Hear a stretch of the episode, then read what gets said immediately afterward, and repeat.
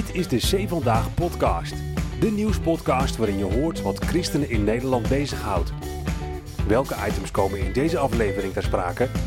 Presentator Jeffrey Schipper raadt je bij.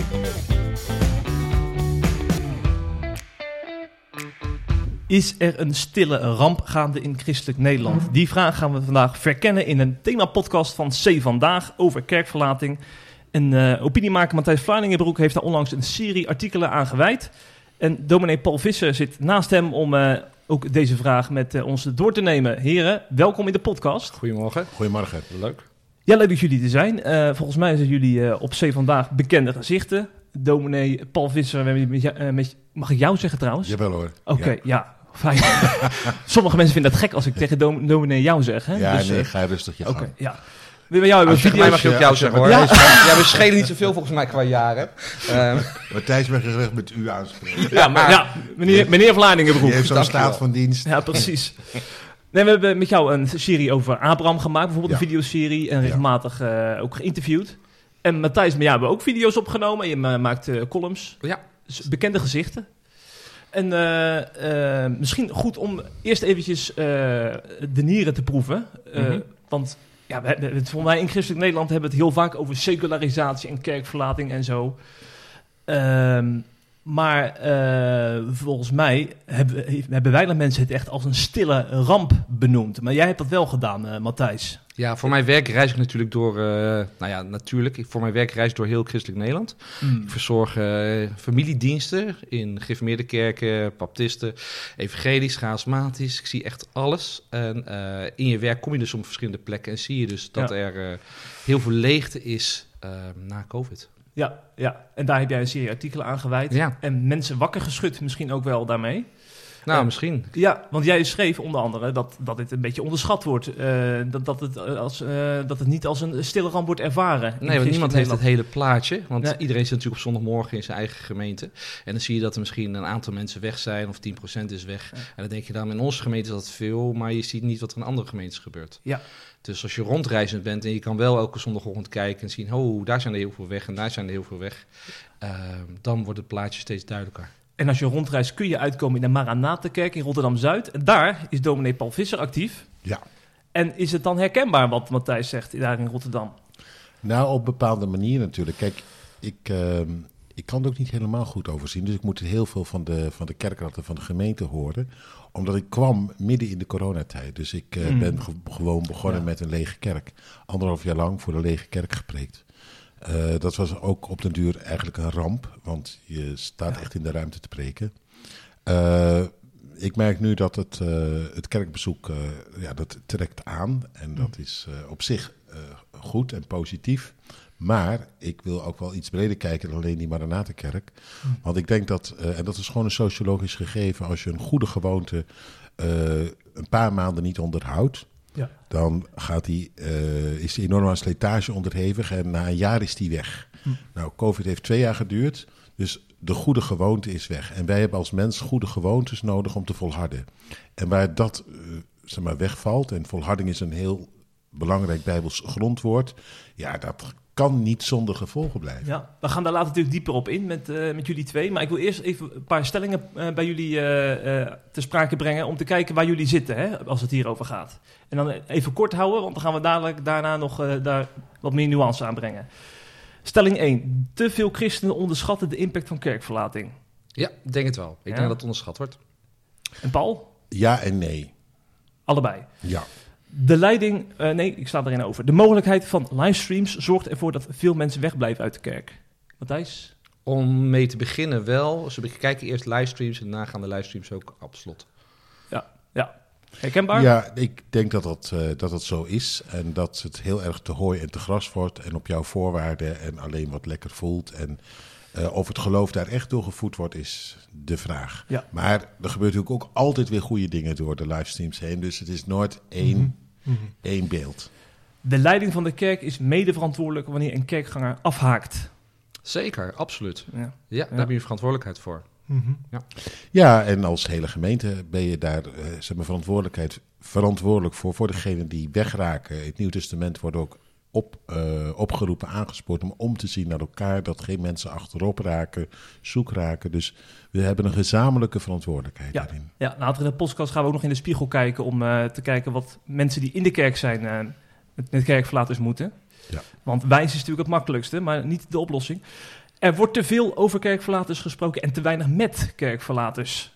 Nou, hier spreekt een ervaringsdeskundige. Jij bent de oprichter van Vrijbuiters. Yes, ik denk dat er niet te veel over kerkverlaters wordt gesproken. Ik denk dat er eigenlijk heel weinig over kerkverlaters wordt ge- gesproken. Oh, en ik denk ja. dat er ook te weinig met kerkverlaters wordt gesproken. Ik denk dat er eigenlijk stilte is op Ja, allebei de vlakken. Ja, vandaar de stille ramp, hè? Ja. Ja. Nou, ik, denk, eh, ik denk dat er te veel over de kerkverlating gesproken wordt. Ja, door en dan in nee, eh, vanuit allerlei sociologische onderzoeken. Daar word ik gewoon doodmoe van. Alleen maar die negatieve onderzoeken, die alleen maar het effect van kerkverlating aanjagen. Oh, zijn er zoveel weer minder? Nou, ik stond ook al op het punt, dus dat is, hè, dan Mm. laat ik dan ook afhaken. Dus dat is één kant. Maar er wordt niet goed over kerkverlating gesproken. Dus eh, er wordt wel veel over gesproken, maar niet op de goede manier. En er wordt ook niet goed gesproken over al die mensen die het volhouden. En Ja, die ja. volharden en die Ja. doorzetten. En, en ook mensen die op de een of andere manier juist in die, in die leegte weer opnieuw eh, verlangen. Dus ik vind dat we op hele eenzijdige manieren zitten te praten over dingen. Laten we in deze podcast het goede voorbeeld geven dan eh, Ja. als drie mannenbroeders. Hè? en de laatste stelling... wel de vrouwen. Ja, Zeker. ja, ja. Kreeg je een ander perspectief. Ja, dat is waar. Ja, moet nog een vervolg komen. Iedere kerk zou een gespreksgroep of huiskring voor kerkverlaters of mensen aan de rand van de kerk moeten organiseren. Nou, moeten niet. Het Nee. zal wel eh Je moet iets niks, moois hè? zijn. Nee, je moet, ja. we moeten veel, hè? En elke... Nee, dat is weer een van mijn stellingen, dat je altijd iets moet. Ehm, het zal fijn zijn. Ik denk dat Het mensen zal zal helpen. Ja, daar sluit ik bij aan. Dat zou heel, eh, heel positief kunnen werken. Alleen het feit dat je zoiets doet, kan het gevoel geven: hé, hey, wij worden gezien en niet zomaar vergeten. Ja, ja. Zeg, wij gaan eh, eh, de stellingen even laten liggen en wat meer de diepte in. En dat beginnen we in coronatijd. Hè? Corona is al net al even gevallen. Want als het gaat over eh, mensen die weg zijn uit de kerk, dan speelt corona daar een cruciale rol in. Er zijn meer mensen die dat geanalyseerd hebben. En ik vraag me, vraag me even af of jullie dat persoonlijk eh, hebben ervaren, voordat we in algemeenheden gaan spreken. Eh, waar, waar was je in coronatijd? Zet je achter de livestream, Matthijs? Ik zat niet achter de livestream, ik stond voor de camera. Ik heb eh, tijdens de coronatijd heb ik de Henkie Show opgenomen. Omdat ik het heel erg belangrijk vond dat kinderen eh, tijdens de coronatijd ook vanuit het woord van God eh, onderwijs kregen op een manier die hen aansprak. Dus ik heb daar een stukje mogen dienen. En eh, heel veel kinderen blij mogen maken en gezinnen blij mogen maken. En ik heb weinig livestreams gekeken, want ik heb gewoon niet het eh, geduld om naar een eh, dienst waar ik zelf niet bij betrokken ben te kijken op een schermpje. En dat doet heel weinig met me. Ja. Ik ga niet meezingen in mijn eentje voor de televisie en ik ga ook niet een preek uitluisteren, tenzij die heel erg goed is. Als ik nou een livestream van Paul Vis had geluisterd, misschien wel. Maar meestal dan niet. Dan denk ik na vijf minuten, nou, je mag wel amen zeggen van mij. En dan Ja. gaat hij toch op een ander filmpje. Ja, ja, ja, Ja. Ja.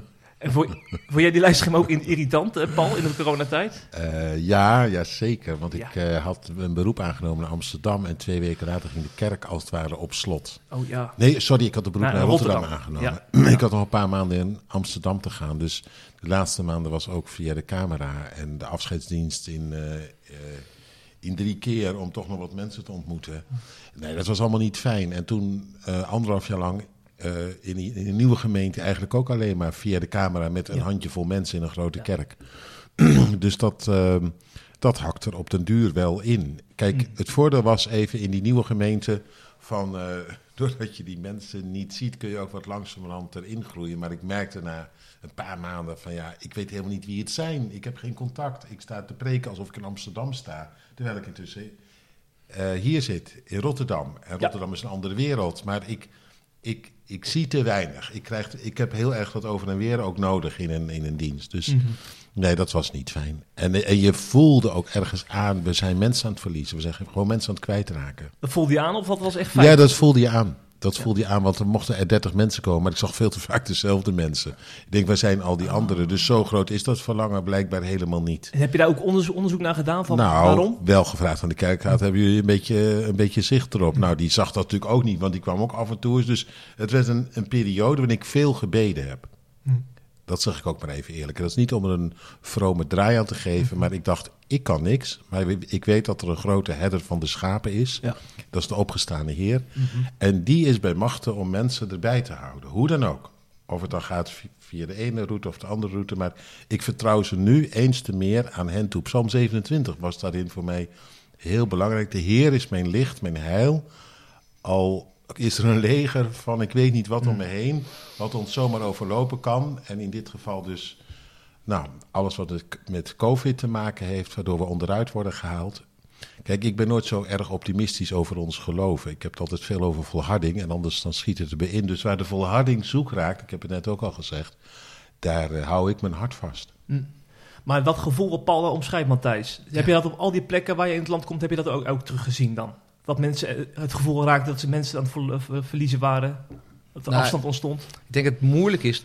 Het is moeilijk om in de kerk te reflecteren, omdat we zo geënt zijn op de volgende week. We zitten eigenlijk in een soort draaimolen, waarin elke zondagmorgen weer een nieuwe dienst komt. Mm. En waar we het zo druk met elkaar hebben. En we kijken vooruit en we kijken vooral naar positieve dingen. Dus Ja. we zijn blij over één nieuw gemeentelid die er binnen is. Dat we huilen over twintig die weg zijn gegaan tijdens Mm. COVID. Mm. Dus het is allemaal naar voren gefocust. eh, heel erg druk. En we hebben niet de tijd, zullen we even een half jaar stoppen en even reflecteren wat er nou gebeurd is. En kunnen met elkaar rouwen over wie we kwijt zijn geraakt. Dus het Mm. wordt eigenlijk een beetje onder de tafel geschoven. En we gaan gewoon in onze drukte verder. Ja, daar ben ik wel heel erg met je eens. Ook toen eh, alles weer open mocht. Nou, nu kunnen we weer. En, eh, het was allemaal, hè, we kunnen weer, we kunnen weer. En, en, en heel erg dat vooruitdenken en heel weinig om je heen zien. En, nou ja, ik hoef het niet te herhalen, maar ook ehm, eh, het verlies gewoon onder ogen zien. Maar de mensen, hè, want je raakt mensen kwijt. En Jezus, die was erg van dat ene schaap wat hij kwijt was, weet je wel. Ja, die ja. 99, oké, maar Ja. en wij focussen op die 99, want we zijn weer zo fijn met elkaar. Ja. Maar ja, En het ook misschien een beetje gladstrijken met, met, door te zeggen van... ja, misschien kijken ze wel achter de livestream... of misschien eh, Ja. komen ze wel weer terug... terwijl ze dan Ja. niet die slag dieper willen gaan. ja. Of ze zijn naar een andere gemeente gegaan. Ze zijn eh, allemaal naar eh, Ja, onze mozaïek. vrienden maar in Mozaïek gegaan. Ja. Eh, maar ja, Mozaïek in Nederland is ook niet zo enorm aan het groeien... dat het dat verlies kan opvangen. Nee. nee. Dus er zijn gewoon mensen weggegaan. Mm, mm, mm. Maar heb je dan... eh, ja, jij spreekt die mensen persoonlijk. Ik spreek die mensen persoonlijk. Laten we ja. nu maar even introduceren. Jij bent een initiatief begonnen. Ja, maar het waren maar tien mannen. Maar Ja, eh, met die tien man heb ik eh, zeven avonden eh, heel persoonlijk opgetrokken. Ja, ja. En eh, gevraagd van wat, wat speelt er nu. En het mooie is dat bij negen van de tien mannen dat ze God absoluut niet kwijt willen raken. Zo. Mm. Alleen dat ze tegen dingen aanlopen waar ze misschien al jaren tegen aanliepen. En COVID eigenlijk degene de ruimte gaf om te reflecteren. Te denken, wil ik wel weer terug in die kerk? Of kan ik nog wel Mm. verder met dit beeld van God? Mm. Dus mensen worstelen dus niet zozeer met God zelf, maar met het beeld van God wat ze mee hadden gekregen, wat niet voldeed in de huidige maatschappij. Dus als je gelooft in een God, of je altijd in een evangelische gemeente bent opgegroeid en je krijgt het beeld mee dat God altijd voor je is en dat Mm. God je altijd beschermt en dat God voor je zorgt, dat je hem alles kan vertellen, dat hij altijd je gebeden verhoort en dan komt de, het lijden van het leven rechtstreeks in je leven. En dan is de vraag, hoe kan ik met die God verder? Ja. Het klinkt alsof ze in een blije evangelische gemeente hebben gezeten. Ja, sommigen wel. En sommigen Ja. kwamen uit de gereformeerde gemeente. Die hadden natuurlijk weer een heel ander Ja, die hebben een ander godsbeeld. Maar hetzelfde Ja. probleem. Al, al op andere manier alleen. Ja, een godsbeeld waar je op vastloopt. Ja. En dan ook een kerk die dan niet geeft wat je heel graag wil. En het zijn dan vaak mensen die al jarenlang in de kerk zitten. Oudsten zijn geweest, ouderlingen zijn geweest. En op een gegeven moment denken, oké, mijn Mhm. kinderen zijn uit huis. Waarom zou ik voor mezelf nog naar de kerk gaan? Eigenlijk zou ik iets heel anders willen. Hoe luister je hiernaar, Paul? Dat is wel traag. ja, nee, ik herken het allemaal. Het- Zeg maar, COVID heeft als een katalysator gewerkt. Hè? Dus allerlei dingen die sluimerend onder de oppervlakte zaten. Maar die, ja, daar kom je niet aan toe. Zoals Matthijs net al zei, hè, we gaan naar de volgende dienst en je bent onderdeel van een systeem. Het systeem werd doorbroken. En waar het systeem wordt doorbroken, ja, er komt van alles en nog wat aan het licht. Dus ook deze dingen komen aan het licht. Dus het heeft heel erg als een katalysator gewerkt. En als mensen dan een tijdje eh daaruit weg zijn, ja, dan vraag je af, wil ik daar nog weer in terug? En ze hebben tussen ook hier en daar een paar andere dingen opgevangen en gehoord via die livestream onder andere. Dus er gebeurt van alles. En dat zijn niet alleen maar negatieve dingen. Die katalysator, die katalyserende werking heeft ook een louterende werking, waardoor Ja. eh, hè, waardoor er allerlei dingen aan mensen te denken worden gegeven. Er is nog een andere kant en dat maakt ook zo gecompliceerd. Kijk, ehm, we zeiden net van eh, ja, we gaan maar door weer, want eh, nou ja, eh, we zijn zo blij dat we weer kunnen. Ik zag ook veel vermoeidheid hè, bij mensen. Dus dat is de andere kant. Ik wil ook een beetje, beetje mild zijn, dat wij nu niet Mhm. als de, de, de wijsneuzen precies weten hoe het allemaal wel moet en niet moet. ik zag onder collega's, en ik herken het ook bij mezelf, de vermoeidheid van om het vol te houden. Uh, je hoort ergens van er haken mensen af. Jij moet het doen met een scherm. Wat ook niet uh, gelijk uh, het, het meest inspirerende is om elke week weer op door te gaan. er moest iets worden, worden voortgezet, terwijl er aan jou ook werd geknaagd. Nou wil ik niet tegelijk al te zielig doen over ons. Want er zijn andere delen in de wereld waarin mensen door veel grotere ellende heen moeten en veel zwaardere crisissen. Dus, maar dat het ook slopend was en dat er een soort verademing was en dat mensen niet gelijk zin hadden om dan in de negativiteit te schieten van oh we zijn mensen kwijt. Nee, laten we ons nou richten op de mensen die er zijn. Ja. En dat we daar vooral positief mee omgaan, niet te klagerig gaan doen. Hm. Dus ik, ik zie gewoon allerlei bewegingen door elkaar ja, heen lopen. Ja. Dat, En dat versterkt elkaar. Ja, ja. dus, dus dat, dat uh, maar dat je, ik denk dat het nu wel mooi is om eens te kijken van, wat zien we nu gebeuren en waar zouden we dan nu op kunnen inspelen? We zijn nu weer een jaar verder. Mm-hmm. Dus er zijn verschillende verschijnselen van hoe ga je om met mensen die helemaal weggeraakt zijn, hoe ga je om met mensen die ja. uh, geen zin meer hebben in het oude, maar wel op zoek zijn naar iets nieuws om eigenlijk hun verhouding of relatie met, met God uh, te verdiepen. Nou, ja, ja. Er zijn, ja. ik denk dat er gewoon zijn maar meerdere bewegingen zijn. Zeker, ja. ja. Maar die mensen die jij spreekt dan in zo'n groepje, uh, uh, dat zijn mensen die tientallen jaren in de kerk hebben gezeten. Ja, sommigen voorgangers geweest, ja. oudsten geweest, ouderlingen geweest. Ja. Het zijn niet randfiguren. Nee, nee. Dat denken mensen vaak, hè, dat dan de randfiguren weggaan. Mm -hmm. Die waren toch al niet trouw, die hebben ons verlaten, het liefde voor de wereld. Maar dit zijn mensen die echt uh, in de kern van de kerk jarenlang hebben gediend. Mm. En nu hun kans schoonzagen. Nee, niet hun kans schoonzagen, maar wel van de gelegenheid gebruik hebben gemaakt. Ja, maar in een van je blogs schreef je ook over een soort van proces. Hè? Van, uh, uh, hoe schreef je dat nou? Uh, dat, dat ze in hun achterhoofd al malen waren over allerlei mm. vragen waar ze niet mee, mm. waar ze zeggen, niet meer uit de voeten konden. Ja. En op een gegeven moment is, is er dan een coronatijd en dan wat Paul net zei, dus je, loopt, je loopt tegen cognitief of emotionele problemen loop je aan, maar je zit in een mode, je hebt verantwoordelijkheid, je hebt allemaal taken. Hoe langer je in de gemeente zit mm. en hoe bekwamer je bent, hoe drukker je het hebt vaak. En dan op een gegeven moment stopt het allemaal en dan valt er stilte. En in de stilte is er een keer ruimte voor al die zaadjes van uh, twijfel of van emotionele mm. teleurstelling of van godsbeelden die niet meer kloppen naar boven ja. te komen. Ja. En die ja. zijn gaan groeien. En je kan het onkruid noemen of misschien wel hele mooie vruchten. Maar het is wel van alles gaan groeien in, de, in die twee jaar. Maar ik denk dan, de kerk is toch de plek om dat te delen en daar samen mee te gaan worstelen als christenen onderling. Ja, maar niet gelijk, niet gelijk. Ik denk dat jij heel erg gelijk hebt. Mm. En dat waardeer ik ook erg in jou, Matthijs. Mm. Dat jij op een hele uh, prikkelende manier ook heel kritisch de vinger kunt leggen bij ja. al die uh, dromerige, enthousiaste uh, beelden van God. Waarin ja. we God steeds mooier maken en daardoor steeds harder met hem omvallen. Ja. dat vind ik echt ook een drama. En ja. de andere kant is soms in andere, omgekeerde kringen. Ik hou er niet zo van om etiketten te gaan lopen plakken. Ja. Maar uh, waarin er een beeld van God bestaat waar je alleen maar uh, door verlamd raakt geestelijk. Mm. En waarbij je dan ook op een gegeven moment, als dat dus doorbroken wordt, dat systeem, dat je denkt, jongens, wat doe ik hier nog? Ja. Dat het er gewoon een soort opluchting is dat dat, dat, dat, dat, dat niet meer hoeft.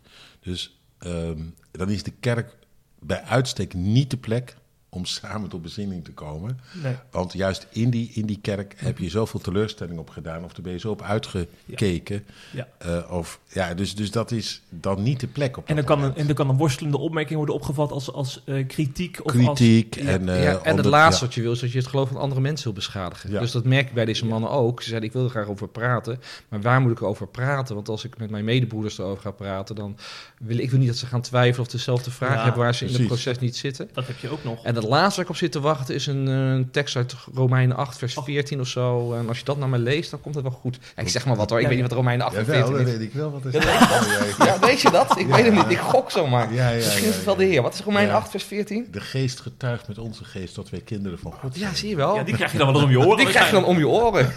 Wat twijfel je nou, Romeinen 8, vers 14? Ja. Zit dan toch echt zo'n onbewust of de Heer die het leidt? Nee, maar, nee, maar dat is... Dus ik denk dat dat er vrijplaatsen moeten zijn voor het open, ja. eerlijke gesprek. Ja. En ik zou wel gewoon, uh, ja, dat, zou ik, dat, dat, dat vond ik wel een mooi initiatief. Vrijplaatsen voor het open gesprek. Dat, ik denk dat heel veel mensen daar behoefte aan hebben. Dat ze niet gelijk in de structuur worden geduwd of gelijk weer iets moeten of gelijk weer in een uh, programma worden, worden, Ja. worden meegenomen, maar waarin er ruimte is voor, dit eerlijke, voor de eerlijke vragen. En ook voor de trage vragen, zou ik bijna zeggen. Laat het nou eens gewoon eens even bestaan. En laat God ook gewoon eens even de ruimte mogen hebben in de levens van mensen om andere perspectieven te openen. Ja, ja. Ja. ja, En in hoeverre moet dan de kerk erin ook de hand in eigen boezem steken? Hebben wij dan niet eh, eh, ze, ze de- een soort van keurslijf dan eh, opgedrongen, Zeker. deze mensen? Ja. Hier weer in verschillen misschien, Paul en ik. Maar eh, ik denk dat er twee stille rampen plaatsvinden in de kerk. Ik denk dat de stille ramp is dat we heel veel mensen kwijtraken. Die, en heel veel kinderen kwijtraken en tieners kwijtraken. En dat we dat nu nog niet voelen. Maar over twintig jaar dat een heel grote impact gaat hebben. En de tweede stille ramp is denk ik dat we er niet van leren. Hmm. Dat we gewoon doorgaan. En dat we gewoon doorgaan met onze molen. En dat we dus niet de lessen leren waardoor, het over, eh, waardoor het proces kunnen stoppen of kunnen veranderen. Ons af kunnen vragen hoe kunnen we anno 2023 mensen die al jarenlang in de kerk zitten helpen om toch nog te blijven groeien. En wat hebben ze nodig? En we zeggen eigenlijk, kom naar de dienst op zondagmorgen. En als je naar de dienst komt op zondagmorgen, dan bieden we je alles wat je nodig hebt om te groeien in je geloof. En mensen, dat werkt gewoon niet. Zeg je nou hier dat die, dat die eh, de anderhalf uur op zondagochtend te centraal staat dan? In mij, zie, in mij, zegt, ja, mij zegt wel zeker. Ja, we zeggen, je wil de Heer God aanbidden, maar dat kan alleen omdat we een half uur gaan zingen.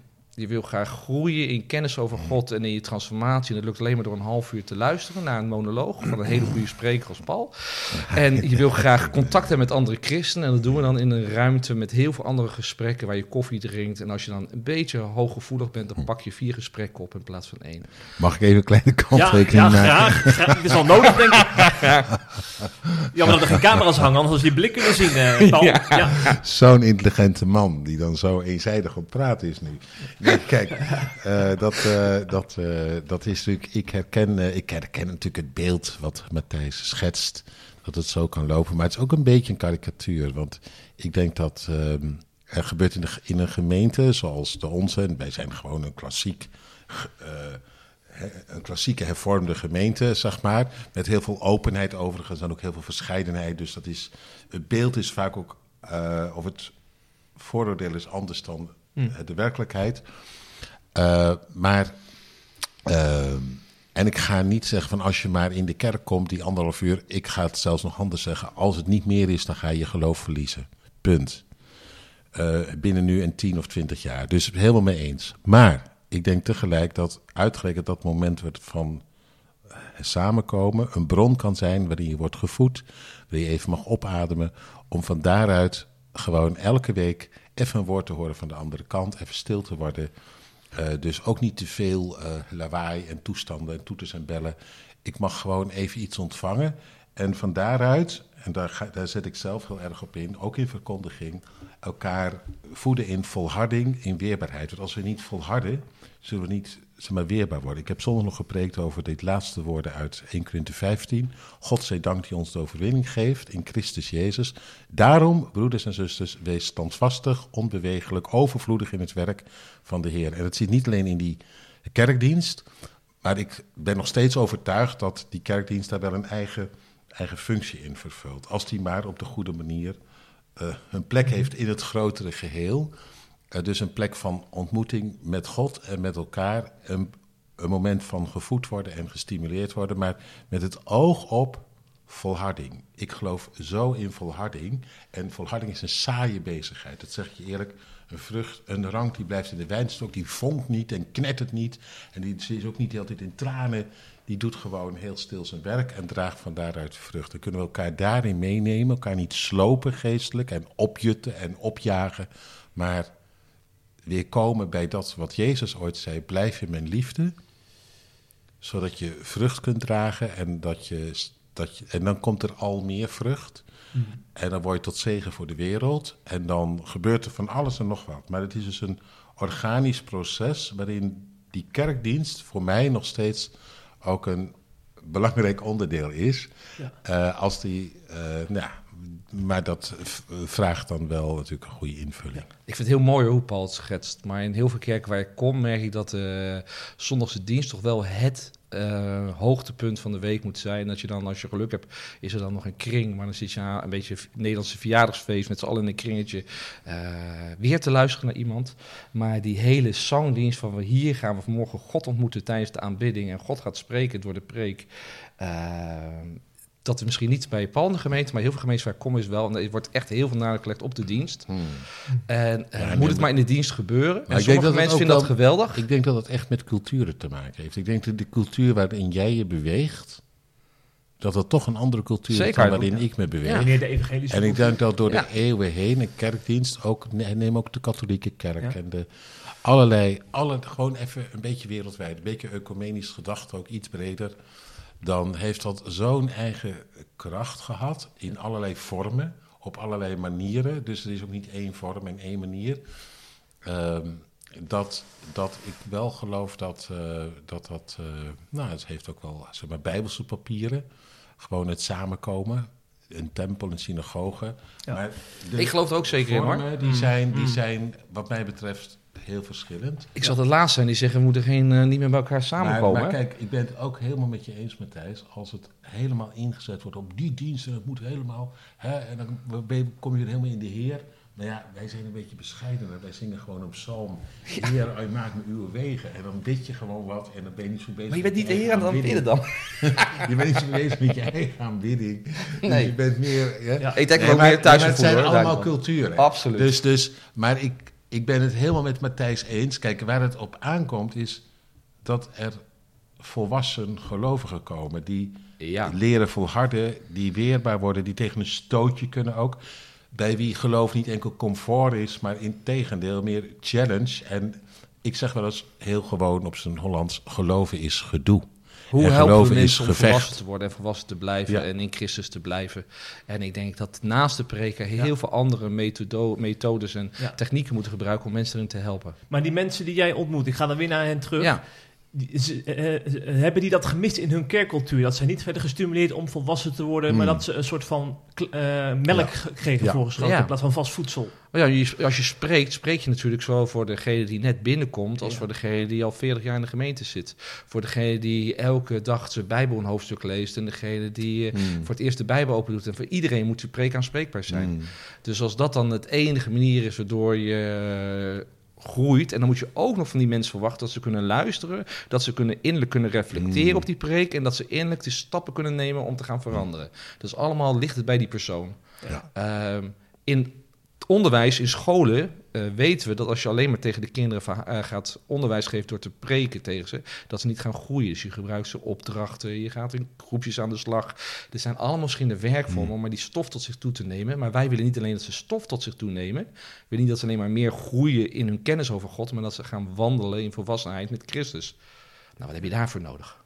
Ja, en dat, Die dat- vraag. er is geen gereedschap aangereikt. eh, Nou, we vertrouwen te veel op de preek. Mhm. Maar dat is Paul niet mee eens, maar dat denk ik wel. Wel, nee, maar ja, maar, Ja, ja. Jij, jij, jij zet ze nu tegenover elkaar. Ik ben, het, Ja. ik ben het wel met je eens. Ik geloof alleen nog steeds in de eigen waarde en kracht van een dienst en van een preek. En dat, dat half uur verkondiging in de week, dat dat een eigen betekenis heeft. Maar natuurlijk absoluut niet het enige. Dus dat, dat, dat zou onzinnig zijn. En ik denk dat je dan ook inderdaad... En zo voel ik het zelf ook wel eens als dominee. Ik heb het ook wel eens hard op, op de preekstoel gezegd... eh, heel oneerbiedig gezegd, dan wordt het elke week een show waarin de dominee, de one-man show die die opvoert, hè, waarin iedereen zegt, oh, het was weer mooi en het was weer goed. En iedereen gaat weer door. Dus dan krijg je een kleutergeloof van. Hè, eh, heel onvolwassen. En de dominee moet vooral voeden en de dominee moet vooral bemoedigen. Fijne dominee, ik ben zo bemo- bemoedigd. Maar ik zou wel eens ook dan willen horen van, ik ben zo door elkaar gerammeld. En ik eh, moet hier de hele week van bijkomen. Ja, of ik En snap echt helemaal niks van help. Ik weet niet of ik er volgende week wel aan toe ben om weer te komen. Nee, bij wijze van spreken. Hè. Dus, nee, dus eh, ook eh, preken moeten volwassen zijn. Er zijn veel te veel preken gekomen in evangelische kring en ook in de doorsnee PKN-kring. Die hebben maar één boodschap: heb lief en houd moed. En oh ja, je wordt geliefd. Maakt niet uit wie je bent. Maakt niet uit, je wordt altijd en eeuwig geliefd. ja, weet je, dan krijg je een heel apart godsbeeld en je krijgt een heel verweekt, verwend geloof. En als er dan maar iets tegen zit, ja, dan snap je het al niet meer en dan klopt het al niet meer. De Bijbel raakt zoek. En ja, dus in die zin ben ik het heel erg met Matthijs eens. Alleen, ja, nou ja, we komen ook een Ja. beetje uit verschillende culturen. En dat is ook goed, want dat, dat houdt elkaar in even. Ik zou graag één preek per maand van Paul willen hebben. En dan drie zondagen met elkaar die preek helemaal uit gaan Oké, werken in nou, kleine dat zou- groepjes. Oké, we zouden het kunnen proberen. Ja, en daarna weer één preek en dan weer drie zondagen. Echt, tot we hem echt Ja, helemaal goed door nee, hebben. dat Zijn die zou, mensen dat zou, daarmee mee geholpen? Nee, maar dat, maar dat, Ja. dat Met vind ik coaching. een hele mooie Ja. gedachte. Want Ja. ik denk ook wel eens preek na preek na Ja. preek, elke week. En, Veel is het ook hoor. dus, Het is veel. en dat je eh, gewoon eens zou zeggen, dit is een preek, daar, is- daar worden een aantal dingen in verhandeld. En laten we het nou eens tot ons laten doordringen. Dus dat herken ik, dat verlangen. Wat jij nu uit, Matthijs, dat, dat herken ik heel erg. Ja. Nou, ik ken ook kerk- kerken die zitten daar in de huiskringen zetten ze daarop in. Hè? Dus dan gaan ze op woensdag die preek nabespreken en, en erover doorpraten een uur. Ja, als ze dat, ja, dat, dat vraagt nog wel een beetje begeleiding. Mm. Zo, ja, dat is ook wel Anders dan krijg je ook weer van... Ja, Heen en weer gepraat. Heen en weer gepraat. Het is Ja. zo, er wordt met Ja. alle respect, maar ook zoveel heen en weer gepraat op Ja. kringen. En er zitten altijd mensen met een stokpaardje. Ze moeten toch nog even over Israël of over de eigen of over... eh, Het is zo herkenbaar dat je in de last Ja, schiet. maar dat is ook heel, dat is ook heel belangrijk. dat is ook heel belangrijk. Israël en wat, de wat eindtijd. krijgen we nou zeg? Ja, En ik Ja. wou het ook nog even over de liturgie hebben. ja, heel belangrijk. Ja. En gebedsgenezing, hadden we toch. Ja. Hey, maar laten we, het, laten we het hebben over eh, al die mensen die wel in de kerk zijn gebleven. Want die zien, die zien ook mensen vertrekken. Maar Mhm. wat mij dan opvalt bij sommigen is dat... eh, ja, of ze gaan dan inderdaad met Romeinen 8 vers 14 zwaaien. Hè, Mhm. of- maar, of ze, ze hebben het helemaal niet over. En, en ze, ze, ze vinden het zo ongemakkelijk dat ze, dat ze maar gewoon naar de andere kant op kijken. Zeg maar. Ja. Wat valt jullie op als het gaat over onze omgang met mensen die afhaken en aan de rand komen te staan? Ver- Verliezen ze... Ehm, Doen we ons best? Nou, is ook heel verschillend. Weet je, ik zie dat mensen, mensen hebben een heel druk leven. Mm. En mensen die eh, vinden het heel moeilijk om eh, dingen die ingewikkeld zijn echt goed onder ogen te zien. Mensen vinden het nog lastiger om dan kritisch te kijken naar zichzelf. Of ze misschien zelf er ook een rol in speelden of zouden kunnen spelen. Dus ik zie, ehm, ja, de gemeente, dat zijn maar hele doodgewone mensen bij elkaar. En je bent soms wel blij dat zij in ieder geval niet zomaar afhaken, maar de, de moeite willen doen om het vol te houden. En ik denk dat het gewoon echt iets van wijsheid en inzicht vraagt om dan te kijken van hoe kunnen wij eh, allereerst eh, met die opdracht hè, van hoe voed je je geloof, hoe word je weerbaar en dan vervolgens hoe verhouden we ons nu tot die mensen om ons heen die, die we niet meer zien. Ehm, en hoe gaan we daarmee om? Eh, mensen zijn soms ook geneigd hard te oordelen. Dat het zijn allemaal dingen die je ook lekker voelen. Hè? Gewoon een oordeel, ben je zelf ook weer net iets beter. Dus wij zijn, wij zijn allemaal maar hele doodgewone mensen. En wij moeten een soort voortdurende oefening maken... om op de goede wijze om te gaan met, eh, ook met dit soort gegevens. En we zijn er niet ervaren in. Nee. Het is iets nieuws wat ons overkomen is. En de secularisatie gaat intussen ook gewoon door. Nou ja, ik, ik, zie, ik zie, dat maakt het soms ook wel ingewikkeld, want ik zie allerlei verschillende eh, dynamieken door Ja. elkaar heen lopen. Ja. En wat ik van de mannen eh, met wie ik opgetrokken mee te kreeg, is dat ze zeiden, ik dacht dat we vrienden waren, maar we waren eigenlijk gewoon collega's in de kerk. En als je dan Ah. soms, eh, je hebt een baan en je gaat dan weg, dan zeg je, we houden contact. Een half jaar later blijkt dat je geen contact houdt. dat is dan weg. Mm. En eh, nu waren we samen vrienden in de kerk. We deden samen het Mm. kinderwerk. We zaten in, in de aanbiddingsband. Mm. En dan gingen we wel eens barbecue Mm. met elkaar. Maar als je dan niet meer deel bent van de kerk, dan verwatert dat. En dan is er niemand die dan zegt: hé, maar hoe is het nou met jou? Want er zijn weer nieuwe mensen in de band. En de dienst gaat door. En eigenlijk was het gericht op een taak waarin je elkaar vond. En als dan de taak wegvalt, dan eh, vind je elkaar ook niet meer. Je schreef in een van je blogs garantie tot de, tot de voordeur, toch? Dat, dat Garantie tot aan de achterdeur. ja, dat, je, dat idee he- heerst dan Hmm. te veel. Ja, Van- en dat ja. we, we zijn als kerk heel erg gericht op de voordeur. We zijn natuurlijk, nou, dat praat ik over de evangelische beweging, dat we toch heel Mm. graag nieuwe mensen binnen willen houden. En, eh, maar we zijn ook gewend dat er mensen weggaan. Dus dat is ook een soort aangeleerd patroon. Er komen heel veel mensen binnen, maar er gaan ook mensen weg. We zijn een soort doorgeefluik. Dat willen we niet zeggen. Dus als dan in één keer heel veel mensen weggaan, dan denk je, ja, oké, dat zij zo. We, gaan weer kijken naar wie er weer binnenkomt. Ja. Dus we zijn heel erg op voordeur gericht en Ja. weinig op de achterdeur gericht. Ja. Eh, ik sprak van de week iemand die zei: Ik was deel van de gemeente, heb ik jarenlang gezeten. Door COVID zijn we op een gegeven moment zijn we niet meer teruggekomen. Na twee jaar heb ik een hele brief geschreven waarom ik mijn lidmaatschap heb opgezegd in die gemeente. Ik denk dat ik een reactie heb gekregen. Niks.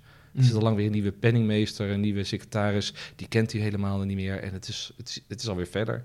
Ja. En dan. eh, Ja, nee, het zijn dingen die dus, eh, dat zijn hele, ja, dat, dat begrijp ik ook. Er, zijn, eh, er is nog, iets, nog een andere kant, dus ik, ik ga er niks tegen in zeggen. Ik beaam het, wat, wat jij zegt Matthijs. Er is nog wel een andere kant en dan moet ik even denken aan Bonheuver.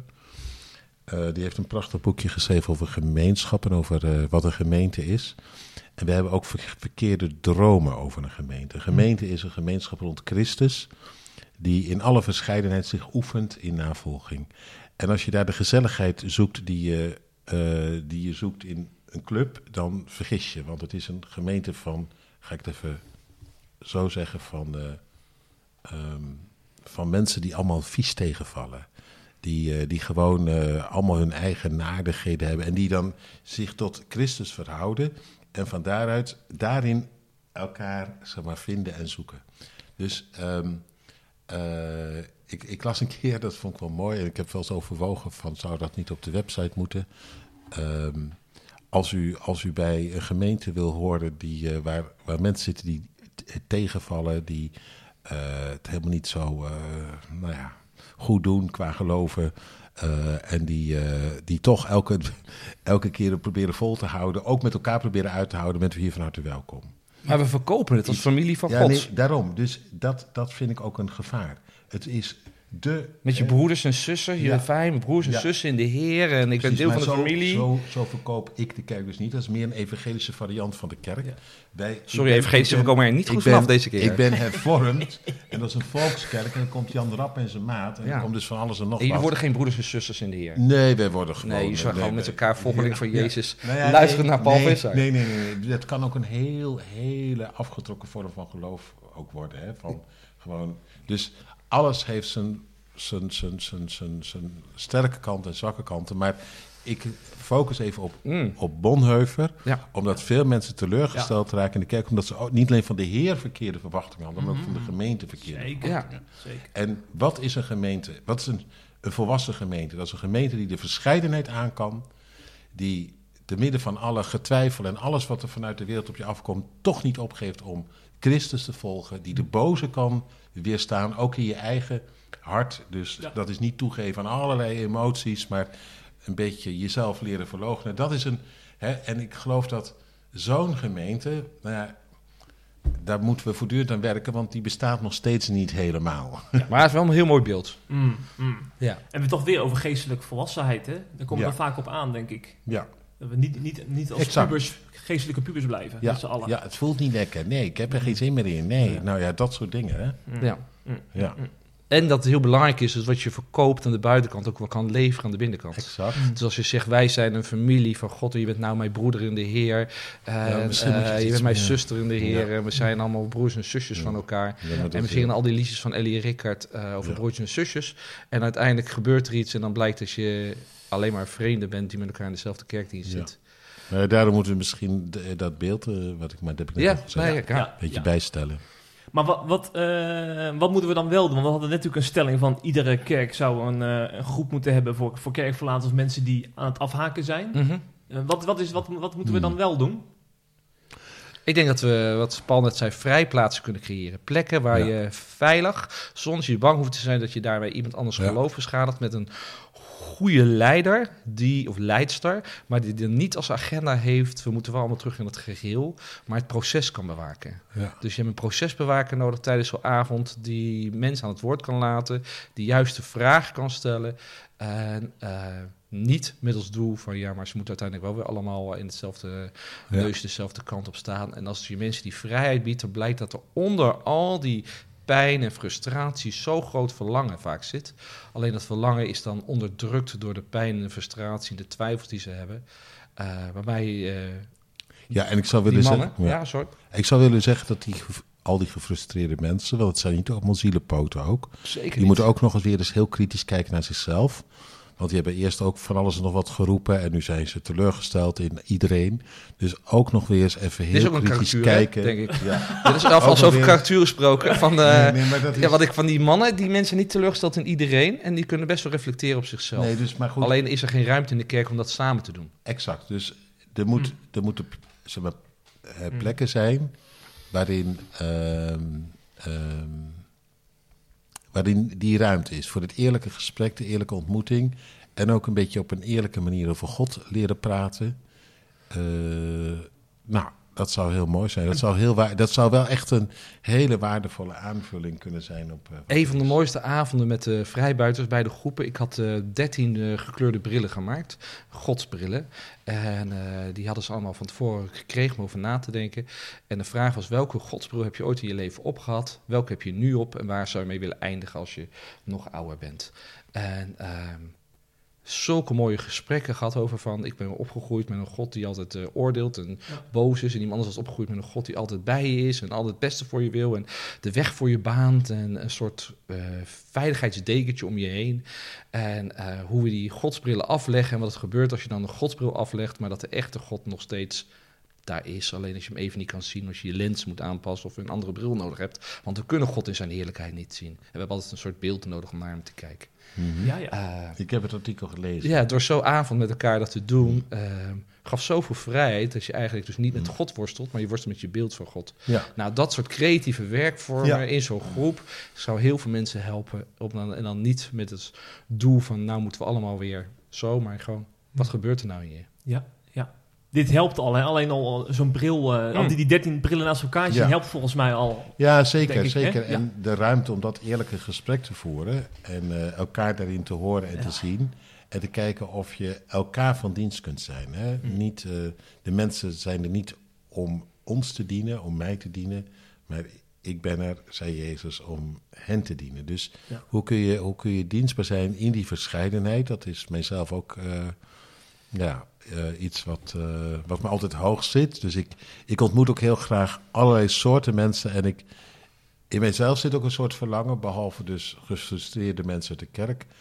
Ook om ons heen zijn gewoon in mijn beleving soms heel veel mensen die wel iets meer zouden willen, maar niet zouden weten hoe het moet. En de kerk is dan niet de meest eh, aangewezen plek gelijk voor ze. Terwijl ik wel denk, we hebben in godsnaam ja, zoveel aan te reiken. Maar dan niet in de zin van, kijk, ons is fijn gemeen zijn. Maar ik bedoel, het goede verhaal. Hè? Ja. Eh, Als ik echt geloof in de God waar ik iets van ontdekt heb, van hoe hij is. Ja, dan, dan, dan zou ik dus dat soort vrijplaatsen, waarin dat open gesprek gevoerd kan worden met kerkverlaters en met zoekers. Ja, en met eigenlijk allebei. nog wat. Zeker. Er schiet me iemand te binnen. We hebben het he- veel te weinig over Jezus zelf gehad, deze podcast. Jezus. Hij trok, Oh. toch, hij trok toch ook op met, met de mensen aan de rand, en, Ja, en zoekers en zeker. afgehaakten. Zeker. Hij at met, eh, met prostituees en met, eh, met eh, hoe heet dat, witte bordencriminelen, hè? De, de tollenaar van toen. Hij zocht Petrus op nadat hij hem had verlogend. Hij zocht eh, Thomas op toen hij twijfelde. Oh ja, en die Emmersgangers. En de Emmersgangers. Die zeiden van, wij hebben het eh, Ja. wel gezien. Judas zocht hij niet op. mee. Was wel fijn geweest, denk ik. Maar, Nou Ehm, ja, hij heeft hem nog ontmoet. En, eh, en, Judas. eh, gezegd, vriend. ja, nee, na afloop. Ja, toen... eh, ja. Dus God, Jezus meer. gaat zijn eigen weg Die was er niet meer, Judas. Hè? Nee, maar hij had hem toch had een engel kunnen sturen. Oh, Judas, dat. voordat hij... eh, Oh, nou goed. ja, ja, maar dat, dat is dan niet zo'n... zo'n zo'n zo'n ik denk dat... dat Ja? dat nee, Jezus- nee, maar Jezus gaat zijn eigen dat weg met mensen. Hij is ja, Jezus. Ja, maar dat Jezus gewoon wel steeds heeft laten ervaren, ook aan Judas... Ik dank jou niet af. Je kunt mij afdanken. Mhm. Ik dank jou niet af. Nou, maar ik wil dat duidelijk de aangeven dat. Jezus gewoon Jezus is. Ja, dat hij mag doen wat hij wil. Precies. En dat we niet zeggen van Jezus gaat iedereen altijd opzoeken. Nee, nee, nee, Hij nee. Nee, mensen nee maar en dat is, eh, dat is ook... Nee, maar Sommigen krijgen een altijd, droom van hem en anderen niet. altijd als we zeggen, hij doet altijd dit of altijd dat, dan heb je al een karikatuur. Ja. Ja, ja. Dat is het moeilijke van Jezus. Hè. Er zijn zoveel facetten van hem die je kan belichten. Ook de brillen. En- Jezus ja. brillen, ja. Ja, ja, als, als het over dit onderwerp bij C vandaag gaat, dan hoor ik altijd mensen zeggen... Ja, je kunt wel een verbinding zoeken en de mensen luisteren. Maar Jezus zegt ook altijd, ga heen en zondig niet meer. Oh ja. En dan zeggen mensen van ja, dus eh, uiteindelijk moeten die mensen zich toch wel aanpassen. Hè? Ja. Ja, Ja. dat Die- heeft je die één keer gezegd, ja. Ja. Ja, dat is ook, ja, precies. En dan doen zij zo alsof het op elke bladzijde van de Bijbel staat. Mhm. ja. Ja, Nee, maar hij, hij, hij zag altijd de mens. En, hij, en dat is het mooie van Jezus. En dat Ja. zou zo'n zo'n plek waar Matthijs het over had ook kunnen zijn. Waar je elkaar echt ziet en hoort. En dat vind ik bij Jezus. Met Nicodemus gaat hij andersom dan met die vrouw uit Samaria. En met die overspelige vrouw. In die context van die mensen die Ja. die vrouw natuurlijk gebruiken om, om Jezus daarop eh, het te pakken. Eh, nou, gaat hij weer er heel anders mee om. Ja. Dus Jezus die kan schakelen. Jezus kan schakelen op mensen. En waarom? Omdat hij het hart van mensen zocht. En eh, hij had niet één boodschap en hij had niet één spoor. Hij handelde niet uit angst. Hij, hij was eh, vrij om zich aan mensen te geven. Want als je En- uit angst handelt, dan ga je waarschijnlijk vertrouwen op je methodiek en op wat moet. Ja, en ik denk dat een, een vrijplaats een plek is waar je je geeft aan mensen op hoop van zegen. Ja. En bij Jezus is het ook niet één groot succesverhaal, Mm. Mm. maar daar heeft Jezus zich niet mee bezig gehouden. Hij heeft zoiets gehad, ik wil het hart van mijn vader laten zien. En als je er geen boodschap aan hebt, dan zegt hij zelfs op een gegeven moment, als je wilt mag je ook gaan. ja, dat zegt hij zelfs, ja. Ja. Ja, Ja, bizar, als je wilt bizar. mag je ook gaan. Wat Ja. de vrijheid eigenlijk dan. Ja. Ja. Ja. Zeg, eh, eh, een goed vervolgsplek zou volgens mij zijn... dominee Palf is er naast een kerkverlater of een afgehaakte. Denk je niet? Zeker. Maar dat, het is ook wel moeilijk om in een podcast je eigen verhaal zo open en bloot te delen. Dat is natuurlijk wel, moet je wel veilig voelen. zo'n Ja, ja, goed. Het, Ja. zou, het zou, ik denk wel, dus als we gezegd hebben, het gesprek met die mensen zelf, dat geldt voor Matthijs natuurlijk net zo goed. Maar gewoon dat je, ehm, nou niet een voorbeeldgesprek, want er zijn geen voorbeeldgesprekken, maar wel gewoon eens in rust de dingen Ja. Deelt. Want er zijn verschillende soorten kerkverlaters. Ja, ja, ja. Ja, ja, ja. Hele absoluut. verschillende. Hele gefrustreerde Zeker. en ook natuurlijk hele luie. Ja. En er zijn allerlei soorten kerkverlaters. Ik denk ook heel belangrijk is, is op vrijplaats om ook echt de veiligheid te bieden dat je afspreekt dat wat er gedeeld wordt, dat het vertrouwelijk is. Dus Hmm. daarom kan er ook niet echt Nee. persoonlijke verhalen uit die groep De, vertellen. de die, microfoon eh, is dan er niet bij, bij eh, Nee. gediend, hè? Nee, Hmm. om Ja. mensen gewoon echt de vrijheid kunnen hebben om het gewoon te kunnen vertellen wat ze willen vertellen. Ja, ja. Ja. Nou ja, dan eh, zou ik zeggen nog meer vrijplaatsen in Nederland. Zeker. Hè? Lijkt me goed. Ja. Ja. Heren, bedankt voor jullie bijdrage. Ja. Af en toe mocht het schuren, maar af en toe mochten jullie elkaar ook vinden. Volgens mij... Oh, volgens mij kunnen we elkaar goed vinden. ik Nou, zit hier met ja, guitige nee. ogen naar elkaar te kijken hoor. We hebben gelachen met elkaar. Nee, wij vinden elkaar ontzettend goed. Nee, hij kan er ook niks aan doen dat hij evangelisch is. Nee, nee, ik wou dat ik meer hervormd was. Dat is echt mijn grote wens, maar eh, het is me niet gegeven. Wordt hervormd in uw denken. Je kent die tekst toch wel, hè? Ja. 12, vers 2. Zeker. Nou, nee. Neem Oh, dat was de tekst mee. geweest, niet de Romeinen 8 vers 14. Wat was het? Wordt hervormd in uw denken. Wordt hervormd Ja. jullie denken. Ja. Amen. Amen, zeggen we dan. Ja. Tot de volgende keer. Hopelijk heb je genoten van deze C Vandaag podcast. Volgende week is er weer een nieuwe aflevering. En blijf via cvandaag.nl op de hoogte van het laatste nieuws uit Christelijk Nederland.